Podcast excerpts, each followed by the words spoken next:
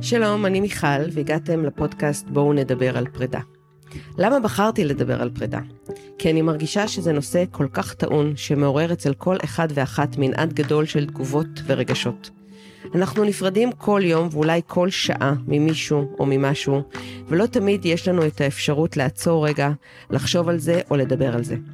פרידה בעצם משפיעה על היכולת שלנו ליצור חיבורים בהמשך החיים. האם יש דרך נכונה להיפרד? האם ניתן לעשות הכנה לפרידה? מה עושים שחייבים להיפרד? אני מרגישה שזה נושא אינסופי ויש פה הרבה על מה לדבר. אז בואו נצא לדרך.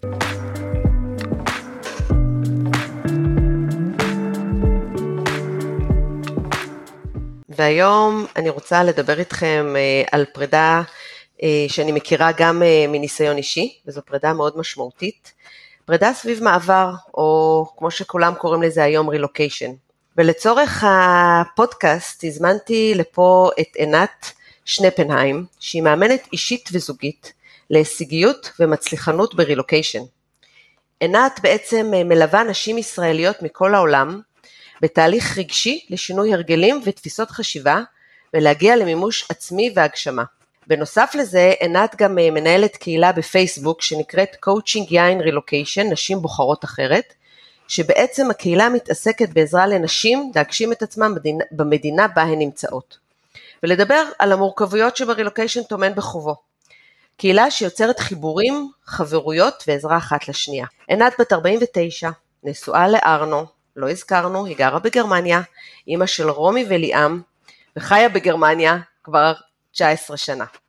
אז שלום עינת, את בגרמניה, אני בישראל, ואני מאוד מאוד שמחה שאת פה איתי ומאוד מתרגשת, ושוב פעם, גם מהניסיון האישי שלי וגם מהניסיון שלך. בואי נתחיל בסיפור האישי שלך, גרמניה, איך הגעת לשם? קר שם, שפה חדשה, וואו, כמה אתגרים. קר מאוד, קר מאוד בגרמניה. כן, גרמניה לא הייתה ברשימה שלי להגיע, אה, האמת זה הגיע בהפתעה.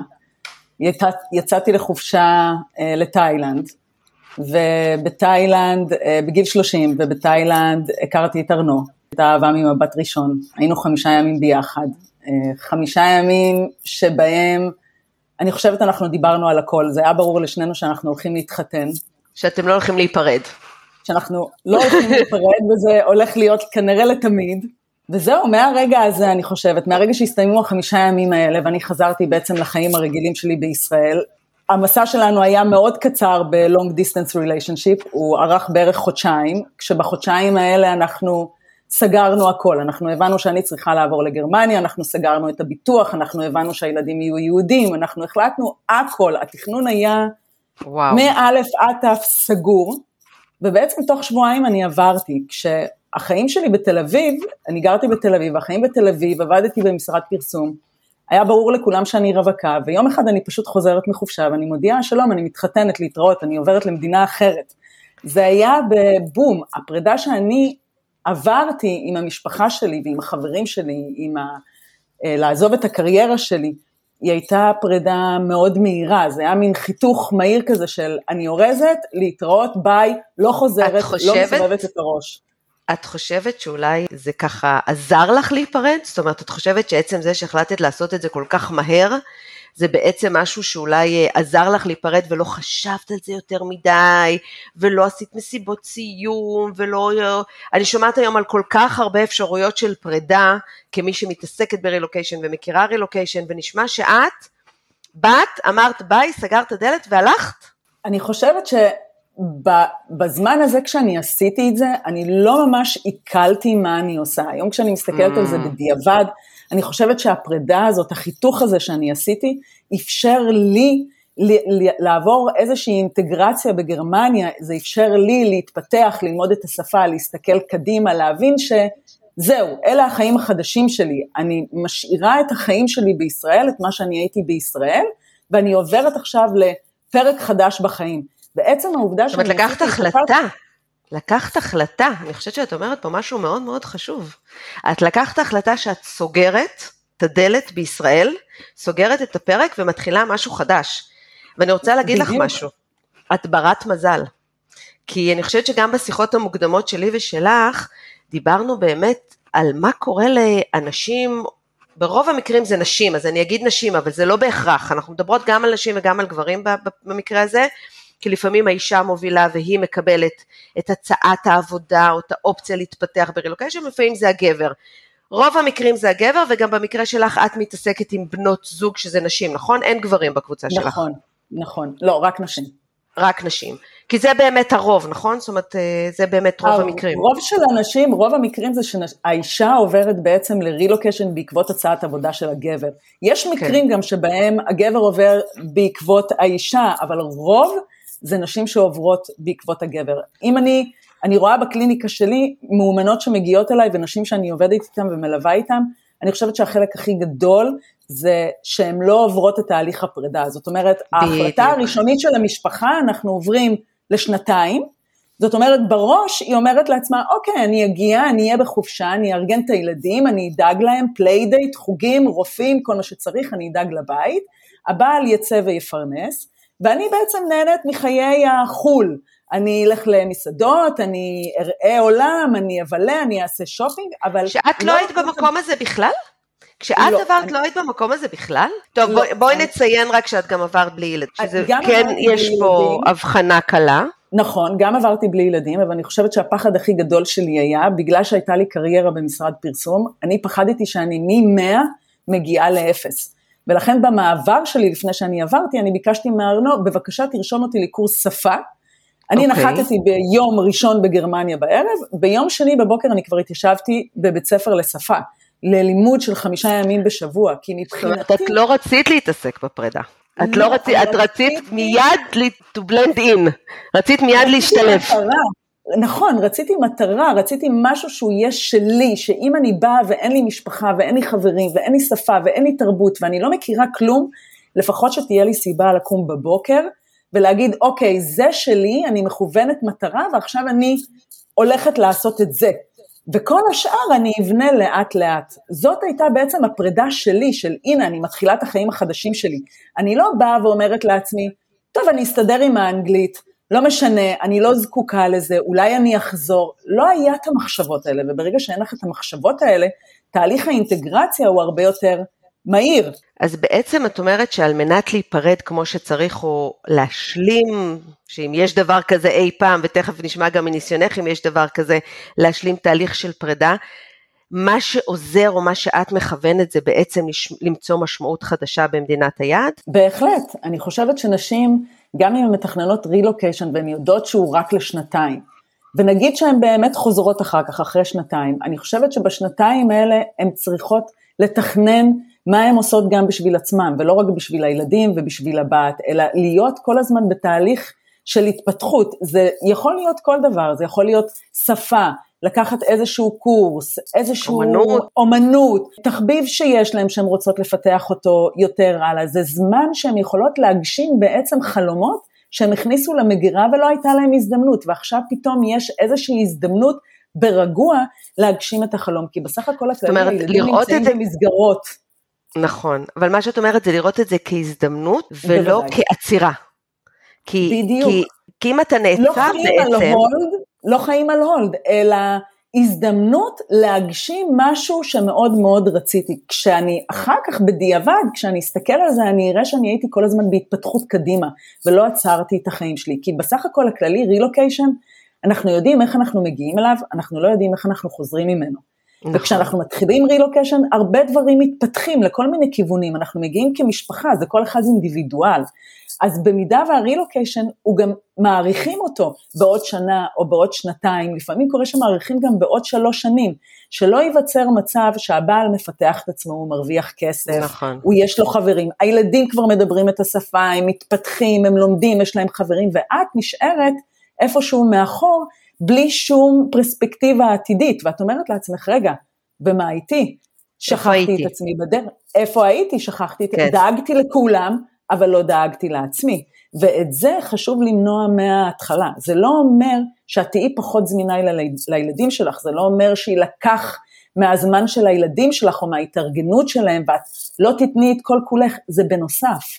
זה אבל אני חושבת, לעשות את זה בו זמנית. אני רוצה להיכנס איתך טיפה גם למקום הרגשי, לא רק למקום הקונקרטי. שאני חושבת שהרבה פעמים כאימהות, או באמת כאישה של שעברה רילוקיישן, אנחנו מתמודדים עם המון קשיים רגשיים. זאת אומרת, גם לילדים קשה להיפרד, הם עדיין נורא מתגעגעים, ואז הרבה פעמים אני זוכרת את עצמי שהייתי גם אימא, גם סבתא, גם דודה, גם חברה, עד שהילדים באמת מוצאים את, את המקום שלהם, וגם עבור בן הזוג, זאת אומרת עבור כל הבית, אתה פתאום, יש לך המון תפקידים, ואתה בעצמך מתמודד עם קשיים, כאילו אתה בעצמך בעצם אה, עוד קשה לך להיפרד ואתה מעכל את זה שנפרדת מהחברות שלך ומהדברים ומה, המוכרים, מהנוחות, מהחיים, כאילו יש פה איזשהו תהליך שגם צריך לעבור אותו, נכון? זאת אומרת, אני, אני שוב פעם, אני זוכרת גם נכון. את הסיפור שלך, את מה שאת סיפרת, איך, איך את התמודדת עם זה, אז אולי תספרי את. אני אדבר רגע על אנשים שעוברות כמשפחה עם ילדים, התהליך של ההסתגלות הוא תהליך טבעי, כי בסך הכל הכללי אנחנו באים גם ממדינה שבתרבות שלה אנחנו חיים בשבטיות. יש משפחתיות, יש ארוחות שישי, יש חגים, אנחנו נכון. כל הזמן ביחד. גם בשביל הילדים כשאנחנו עוברים מדינה, פתאום נעלמים להם אנשים מהחיים. פתאום ארוחות שישי, זה לא אנחנו נוסעים לסבא וסבתא, ארוחות שישי נופלות עליי. אני צריכה להרים את ארוחות שישי, אני צריכה לדאוג שהן יהיו משפחתיות, אני צריכה לוודא שהתא המשפחתי שלנו נשאר אותו דבר, לסגל איזה שהם הרגלים חדשים ולתת ביטחון לילדים שלי. כשאני עושה את זה, ואני עושה את זה anyway במהלך השבוע, זה לא סותר שאני לא יכולה לדאוג לאיזשהו תחביב, כי בסך הכל הכללי הילדים במסגרות במהלך השבוע. כן. מה את עושה במהלך השבוע? במהלך השבוע אני יכולה לדאוג למשהו שהוא לא שעות, לא לוקח ממני שעות, אבל אולי שעה, שעה ביום, פעמיים בשבוע, או שלוש פעמים בשבוע. אבל מה המשמעות של המשהו הזה? אני רוצה שתנסי שנייה המש... אולי אה, המש... להסביר לנשים מה המשמעות של המשהו הזה, אה, כדי שזה באופן עקיף עוזר להם להיפרד. כי אני חושבת שאת מדברת המשמעות... על המשהו הזה כאיזשהו אפילו אובייקט מעבר. זאת אומרת, לעבור מחיים אחד לחיים אחרים דרך המשהו הזה. זאת אומרת, שזה את, את, את יודעת יותר טוב ממני מה זה המשהו הזה. המשהו הזה זה משהו ששומר לי על הביטחון העצמי.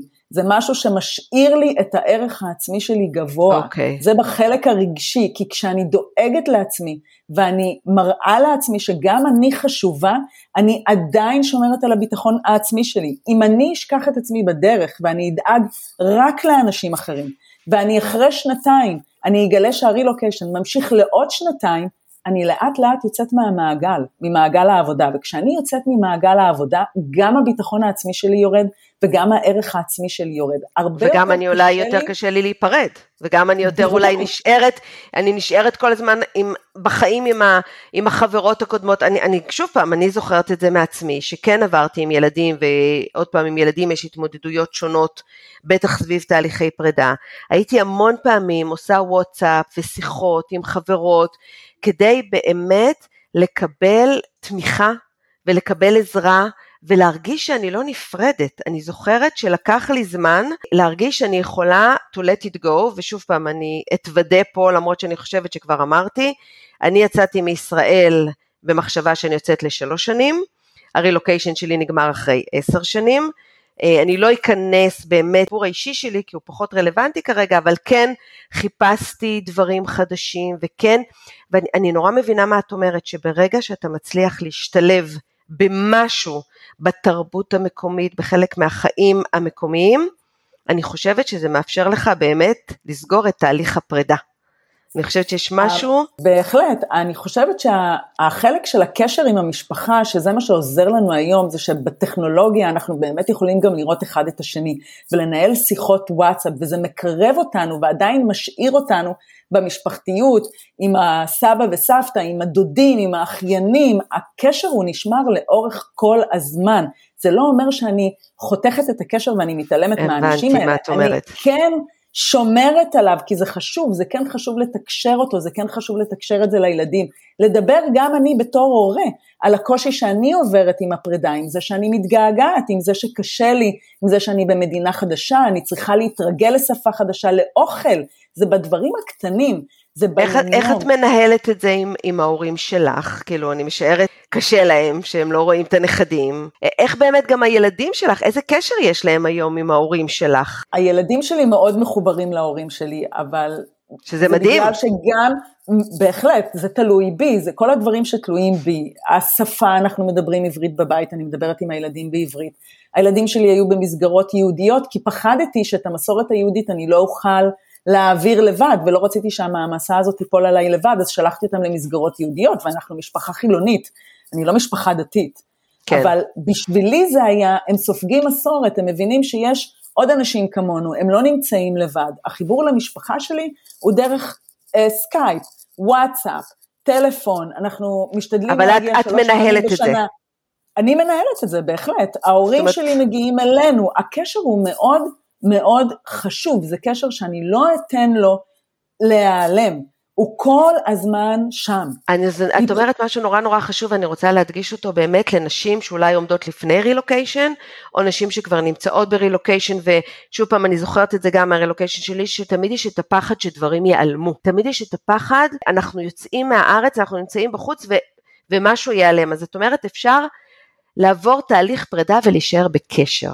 זאת אומרת, וצריך להישאר בקשר, חשוב, זה מה שחשוב. צריך וחשוב, בהחלט. התהליך הפרידה שאני עובר זה ממה שאני הכרתי, זה מהדברים, לא מהאנשים, כי האנשים נשארים שם תמיד בשבילי, אם אני אשמור איתם על קשר ואני אוודא שאני עושה את זה ואני אחבר את הילדים שלי כל הזמן למקום הזה, זה יישמר. הפרידה שאני עושה היא פרידה ממי שאני הייתי בעצם במדינה שבה אני מכירה את השפה, את התרבות, איך אני מתנהלת, יש לי את החברים, אני יודעת לאיזה קבוצות אני שייכת. כשאני מגיעה למדינה אחרת אני צריכה להתחיל לבנות לי קבוצות חדשות. זה בעצם, mm. בעצם פרידה מזהות, מהזהות שלי של מי שאני הייתי במדינה שממנה אני מגיעה, ואיזה זהות אני הולכת לבנות לי במדינה החדשה. וזה לא בהכרח אני את... מוחקת. אני נכון, מוסיפה. נכון, את מוסיפה.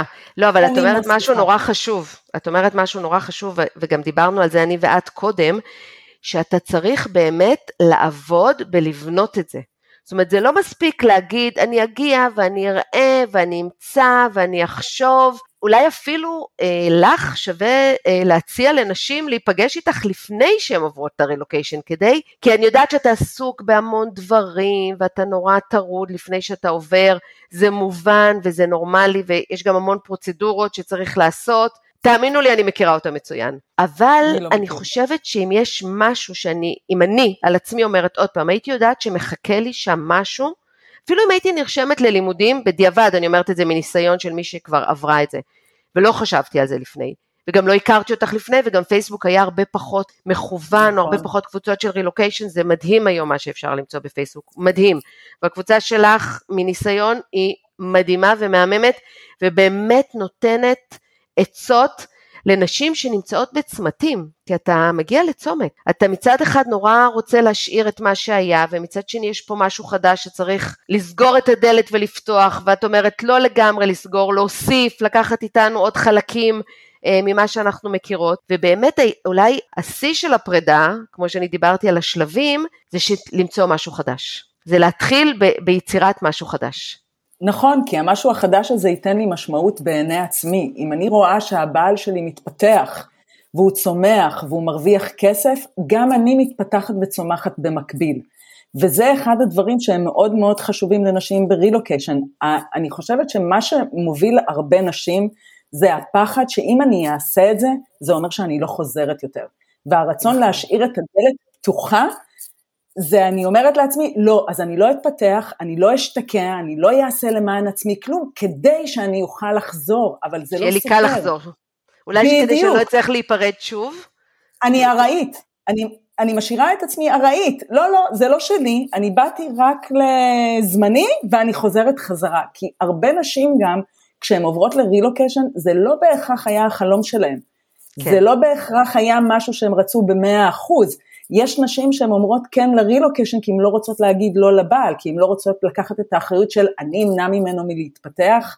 זה לא אומר שהן באמת רצו... זה גם לפעמים באמת ב... הזדמנות עבור בן הזוג, כן. יש ויש, יש את אלה שרואות את זה כהזדמנות ורואות את זה כהזדמנות בשביל עצמן, ויש כאלה שאומרות, אוקיי, אז סבבה, שנתיים אבל אנחנו חוזרים. הבעיה מתחילה כשהשנתיים האלה הופכות להיות יותר משנתיים, כן. ואז אנחנו נשארים. גם נשים שעוברות בגלל שהן לא רוצות, או בגלל שהן לא רצו לקחת את האחריות ולהגיד לו, מאוד מאוד חשוב לתכנן מראש מה אני עושה בשביל עצמי, מאוד חשוב. זאת אומרת, לדאוג גם להן. אבל את יודעת, את אה, הפלת לי עכשיו אסימון, אה, כשאת אמרת שהן אולי לא רוצות באמת להתחיל לבנות חיים חדשים, כי בעצם, את יודעת, לפעמים פרידה משאירה בנו טראומה שאנחנו לא לגמרי מבינים אותה, ואנחנו פוגשים אותה רק בפרידה הבאה. ותכף אני אקח אותך לנושא שאני ואת דיברנו עליו, וזה באמת כל הקשר עם חברות. אבל פתאום נפל לי האסימון שממש לא חשבתי על זה קודם, שאולי יש נשים שמונעות מעצמם להשתלב או להרגיש טוב במדינת היעד החדשה, מהטראומה שהן לא רוצות לעבור עוד פעם פרידה. ואני חושבת שזה משהו נורא חשוב שאת צריכה לעבוד עם נשים שמגיעות אלייך, אולי הפרידה הראשונה לא עובדה כמו שצריך, והן עדיין מאיזשהו ככה שאריות, או... תשמעי, גם אנשים לפעמים כועסים עלינו שאנחנו עושים רילוקיישן, אני גם פגשתי את זה, שכעסו עליי. מה, לאן את הולכת? מה, את בורחת? קשה פה? אז את, את, את הולכת למקום אחר? ולפעמים אולי נשים מונעות מעצמן להשתלב, הבעל הוא כבר במסלול, זה בסדר, בגלל שהן פוחדות עוד פעם להיפרד, ואני חושבת שגם את וגם אני, כי אני גם הייתי ברילוקיישן ארוך, ואת בר... לא ברילוקיישן, את בעצם בהגירה, מה קורה כשפוגשים חברות חדשות? זה תמיד לזמן מוגבל, את לא יודעת איפה זה מתחיל ואיפה זה נגמר, את לא יודעת כמה תיקשרי למישהי. עניין החברות הוא עניין שהוא מאוד uh, קשה ברילוקיישן, כי מבחינתנו, בגלל שנפרדנו מהמשפחה ואין לנו משפחה, את התא המשפחתי שאנחנו רגילים אליו ממה שהיה לנו בישראל. החברות שאנחנו פוגשים, החברים שאנחנו פוגשים, או משפחות שאנחנו פוגשים בדרך, הופכים להיות בעצם המשפחה שאנחנו מאוד כמהים לה. הם הופכים להיות משהו מאוד מאוד חשוב בחיים שלנו, גם בחיים עליו. של הילדים שלנו. גם להישען עליו, זה גם התרבות שלי, הנה הם חווים את מה שאני חווה, הנה כן. הם עוברים את מה, הם מבינים אותי, את מה שעובר עליי, הילדים מדברים עברית ביניהם. את מעודדת נשים? את מעודדת נשים? כל הזמן, כל הזמן, כי זה משהו שהוא מאוד מאוד חשוב. אני פוגשת נשים ב coaching room של הקהילה שלנו, נשים שמסוגרות בבית, הן נשים שהן חמש, שש שנים, שמונה שנים, ואין וואו. להן שום סביבה חברתית ישראלית. השייכות שלי לתוך קהילה שאני מכיר היא כל כך חשובה, בשביל הזהות שלי, בשביל התחושת שייכות שלי, בשביל שאני ארגיש בנוח, הנה האנשים שמבינים אותי. זה משהו שעוזר לי גם לתת לזה מקום ולדבר על זה שזה משהו מאוד מאוד חשוב, ולא משאיר אותי לבד עם כל הפחדים שלי ועם כל מה שאני חווה, כי הרבה פעמים נשים מפחדות לשתף את המשפחה בישראל ואת החברים, הן מפחדות להגיד קשה לי, מפחדות כן. להגיד אני סובלת, הבדידות שהן דנות את עצמן במקום הזה היא בדידות מאוד מאוד גדולה, יש את הפחד שהמשפחה תגיד הנה אמרנו לך, אמרנו כן, לך תחזרי, שזה לא יעבוד, אז תחזרי, תחזרי, בדיוק. ואז אני נשארת עם בדידות מאוד גדולה, וכדי להיפטר מהבדידות הזאת זה למצוא את החברות האלה. נכון, מי שמגיעה לרילוקיישן זמני מוצאת הרבה יותר מהר חברות, אני חושבת שהתהליך של למצוא חברות הופך להיות יותר קשה לנשים כמוני שנמצאות כבר 10 שנים, 15 שנה, 18 שנים. מאחר ואנחנו חוות את תהליך הפרידה על כל חברה ישראלית שאנחנו כביכול איבדנו וחזרה לישראל, זה משבר, זה לעבור עוד פעם תהליך פרידה, זה ממש. כאב, זה כאילו אני נפרדת וואו. ממשפחה, היא היוותה המשפחה שלי לתקופה וואו. כל כך ארוכה. אנחנו היינו כל הזמן ביחד, חגים חגגנו ביחד, הכל היה ביחד, הילדים גודלים ביחד, ופתאום יום אחד הם לא שם. שמי שנמצא ברילוקיישן מאמן הרבה מאוד את שריר הפרידה. זאת אומרת, אתה רוצה או לא רוצה, בוודאי. אבל שריר הפרידה כל, כל הזמן איך, איך שאתה לא הופך את זה, זאת אומרת, אה, זה בדיוק המקום שדיברת של מצד אחד להתערות בתרבות ואולי בתעסוקה או בעניין המקומי, אבל גם יש נורא צורך למשהו מוכר, יש נורא צורך לחברות או לישראליות או באמת לחגים, לארוחות שישי. זה תחושת השייכות. כן, אבל גם מלווה כל הזמן בפרידה. מלווה כל הזמן. זה פרידה וחרדות נטישה במקביל. אני כן. יודעת מעצמי היום, שאם אני פוגשת בחורה ישראלית והיא אומרת לי, אה, לא, אני נמצאת פה לרילוקיישן שנתיים, אני אומרת לה, ביי. אני לא נשארת להכיר אותה, לא כי רוצה. אני כל כך מפחדת שהיא תעזוב אותי בעוד שנתיים, ואני לא מוכנה לזה. כי אנחנו כל כך משקיעים בקשרים האלה, אנחנו כל כך נותנים את כולנו, ההתמסרות היא 100% התמסרות, כי זה הדבר היחיד שיש לי כתחליף למשפחה. וכשהדבר. הזה נעלם, המשבר הוא כל כך גדול, המשבר הוא כל כך עצום, שכבר יש פחדים לבאות. נכון. למרות שאני רוצה... וכל אישה שאני אפגוש, אני צריכה לוודא שהיא נשארת. אבל את לא הולכת, נכון? לשיחה המקדימה שלנו, שאת סיפרת איך את אימצת את המשפחה של בעלך. זאת אומרת, איך את הפכת משפחה גרמניה להיות משפחה עם מנהגים ישראלים. זאת אומרת, נכון. שזה, שזה גם, זה, זה בדיוק השילוב הזה שדיברנו עליו, שלא צריך לוותר על מה שאנחנו אוהבים ורגילים. אני אנחנו בונים משהו חדש. לי היה מאוד קשה עם זה שלא היה לי את המשפחתיות שלי, את ארוחות שישי, את האחיות כן. שלי. היה לי מאוד קשה עם זה, וכשאני הגעתי לגרמניה, חיי המשפחה בגרמניה הם לא אותו דבר כמו בישראל. נכון. ארנו היה מגיע לבקר את ההורים שלו אחת לשלושה חודשים, אנחנו מדברים על זה שאנחנו גרים חצי בחגים. שעה אחד מהשני. חצי שעה אחד מהשני. וואו. מבחינתי זה היה no-go. אני הודעתי להם חגיגית, שמעכשיו אנחנו נפגשים כל יום ראשון לארוחת צהריים. אני הייתי צריכה להחזיר לעצמי את היציבות של המשפחתיות, את דאגה, את האהבה, את השבטיות, את כל מה שהיה חסר לי בזה כן. שהמשפחה שלי נשארה בישראל. להורים של ארנו זה היה מבחינתם, אני החזרתי להם את הבן, הם לא הבינו מאיפה כל הטוב הזה נפל עליהם, כי פתאום הילד חוזר פעם בשבוע. וגם כשארנו היה נוסע... שהם שיתפו פעולה. כן, כשארנו היה נוסע לנסיעות, אני הייתי ממשיכה להגיע לשם בימי ראשון לבד, וכשהילדים נולדו, זה לא עניין אותי אם ארנו נמצא או לא נמצא, אם הוא בקולן או לא בקולן, יכול או לא יכול, אני לקחתי את הילדים ונסעתי לשם, כי החיבור לסבא וסבתא היה לי מאוד חשוב שיהיה גם לילדים. זה לא רק יש משפחה בישראל, יש לנו גם משפחה פה. זה לשמור על הערכים שלנו. זאת אומרת, ו- ובאמת, גם עם המרחק וגם עם הפרידה, אז אני חושבת שיש משהו בערכים שלנו, כ, שלנו כישראליות, כי אנחנו שתינו ישראליות, אבל בטח כל אחד עם המדינה שלו, ערכים המשפחתיים, שכן, זה נכון וזה מומלץ לשמור עליהם. זאת אומרת, זה נותן לנו גם איזושהי אחיזה למשהו מוכר, ולא צריך לוותר על, על הדברים באמת שהם משמעותיים לנו, ואני חושבת שדרך שאת עשית את זה היא דרך מאוד יפה ומיוחדת, ואני רוצה ככה, לקראת סיום, אולי יש לך אה, ככה איזושהי דוגמה ממישהי שאת פגשת וככה הרגשת שבאמת עשתה תהליך, אה, אולי את פגשת אותה בשלב שהיא הבינה שהרילוקיישן מתארך, או שהיא הבינה שהרילוקיישן הולך להיות כמה שנים והיא קצת אבודה, שזה קורה להרבה נשים שאני פגשתי, ואם יש לך איזושהי דוגמה ככה של באמת אה, איך, איך עובדים עם זה, או, או איך את עוזרת לנשים שנמצאות ברילוקיישן וצריכות להמציא את עצמן מחדש. הייתה לי מישהי שאני ליוויתי אותה, שהיא הייתה חמש שנים ברילוקיישן, רילוקיישן שהוא הוארך משנתיים לארבע שנים, אחר כך לחמש שנים, אבל זה היה ברור שהם הולכים להישאר. מבחינתה האופציה לחזור לישראל באיזשהו שלב, כבר לא הייתה אופציה, כי הילדים הגיעו לגילאים שהיא לא רצתה לעקור אותם מבתי הספר, זאת אומרת ההחלטות כבר ישבו לא על מה שהיא רוצה, אלא על מה טוב לילדים שלי, שכבר בעצם מצאו חברים, אחד מהם כבר התחיל בגרויות, זה כבר לא היה, אני חוזרת, לבעל שלה היה טוב, הוא כבר מתפתח, הם מרוויחים יפה, יש גם כסף, המשפחה מבוססת, רק לה היה, היא הבינה שבמהלך כל החמש שנים, היא ביטלה את עצמה לאורך כל הדרך, מאחר והיא כל הזמן דאגה לילדים.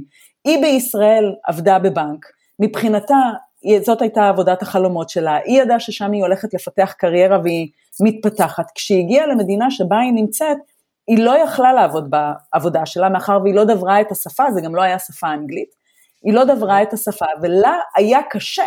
היא לא התחילה ללמוד את השפה, אחרי חמש שנים כשהיא הגיעה אליי, היא הגיעה כשהיא, אין ביטחון עצמי, הערך עצמי הוא ירוד, היא לא דוברת את השפה, היא לא יודעת מה לעשות. ואז התחלנו לעבוד בעצם, קודם כל, הדבר הראשון שהיה זה קודם כל להחזיר את הערך העצמי ואת הביטחון העצמי שלה במי שהיא. כי הרי כל מה שהיא עשתה, עד אותו רגע שהיא הגיעה אליי, אלה היו ההצלחות שלה. רק מה שקורה לנו בתהליך זה שאנחנו שוכחים mm. מה אנחנו עשינו עד עכשיו.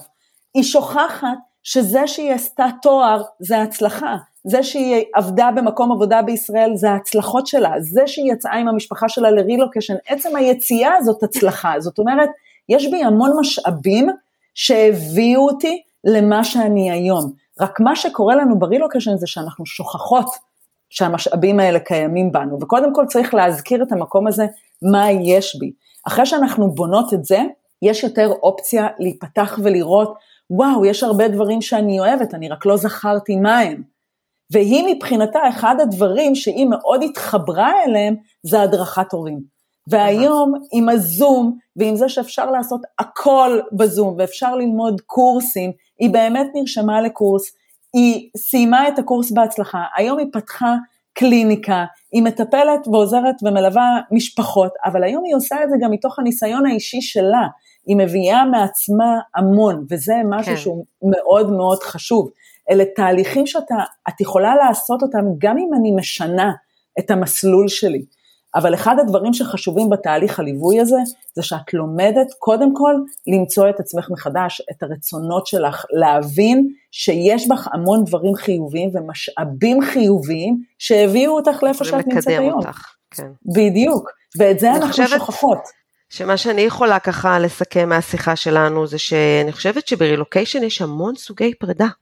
אני חושבת שגם לפעמים צריך גם לעשות קצת הפרדות, בלהבין ממה אתה נפרד, זאת אומרת אני חושבת שקודם כל יש דברים שאתה עושה רילוקיישן שאתה שמח להשאיר מאחור, כמו שאת אמרת יש הזדמנויות לדברים חדשים אז בואו את מה שלא אהבנו אפשר קצת אה, למחוק ולהיפרד מזה באמת, יש דברים שמאוד כואב להיפרד מהם, כמו קשרים אישיים, כמו משפחה, שתינו מכירות את זה שכשאתה ברילוקיישן ההורים נהיים קצת יותר מבוגרים, אנחנו יותר דואגים להם, אנחנו יודעים שגם הפרידה הזאת תגיע, אנחנו לא יכולים להתכחש לזה, דיברתי על זה בפרקים קודמים.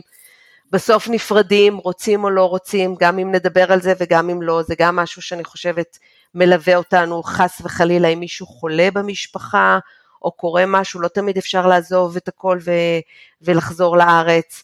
ואני חושבת שבאמת, אני עכשיו ככה מהשיחה איתך, שאני יושבת מולך וחושבת ואני מסתכלת על עצמי, אני מאומנת פרדות. אני בהחלט uh, עברתי המון פרדות, גם מחברות שהכרתי והשארתי שם וחזרתי, וגם שהייתי שם וחברות שחזרו לארץ, וגם דברים שנורא אהבתי בתרבות שגרתי בלונדון, ואין לי אותם פה בישראל, ובאמת, את יודעת, עכשיו כשממש תוך כדי שיחה הבנתי, מסתכלת על הפרדות שלי, ואני לומדת לקחת מהם את מה שצריך. מודה לך על זה. זה... אנחנו בהחלט מאומנות פרדות. אני חושבת שזו נקודה נורא נורא משמעותית. נשים יקרות שאתן יוצאות לרולקיישן, אתם תצאו, אתם תחזרו מאוד חזקות. אם תחזרו או לא תחזרו, אבל זה, יש בזה משהו מאוד מחזק ומאוד מעצים. משפט אחרון זה שאני חושבת שנשים צריכות לדעת שלא משנה איזה החלטה הן מקבלות, הן מקבלות את זה, אין נכון או לא נכון. יש מה נכון לי, למשפחה שלי, לזוגיות שלי, לרילוקיישן שלי. רק כן. הכי חשוב זה שהם יזכרו שהן לא לבד. תמיד אפשר לפנות למישהו, תמיד אפשר לדבר. אל נכון. תישארו נכון. עם הכאב ועם הבדידות לבד, כי אפשר לפתור את זה, אפשר. אחרת נכון. אנחנו מכניסות לתוך הזוגיות ולתוך המשפחתיות הרבה תסכול, ואז אחר כך זה מתחיל, זה כמו מדרון חלקלק. אה, למטה. נכון. אני חושבת שאחת הדרכים, באמת למי שקשה, זה להתחיל עם הקבוצות בפייסבוק, יש שם המון אינפורמציה והמון עזרה והמון דרכים המון. להתמודדויות, וזה מאוד מאוד חשוב. שיהיה לך בהצלחה שם בגרמניה, תמשיכי לעזור לנשים רבות מסביב לעולם, אני חושבת שאת עושה את זה בצורה מצוינת. ולקהל שלי, אני מזמינה אתכם אה, להזין לנו בכל האפליקציות, באפל פודקאסט, ספוטיפיי או גוגל פודקאסט. אתם מוזמנים להגיב ולכתוב בעמוד הפייסבוק שלי, שנקרא מיכל אדראי, מטפלת באמנות ומדריכת הורים. אני אשמח לשמוע כל הערה והערה ואני מבטיחה להגיב. להתראות.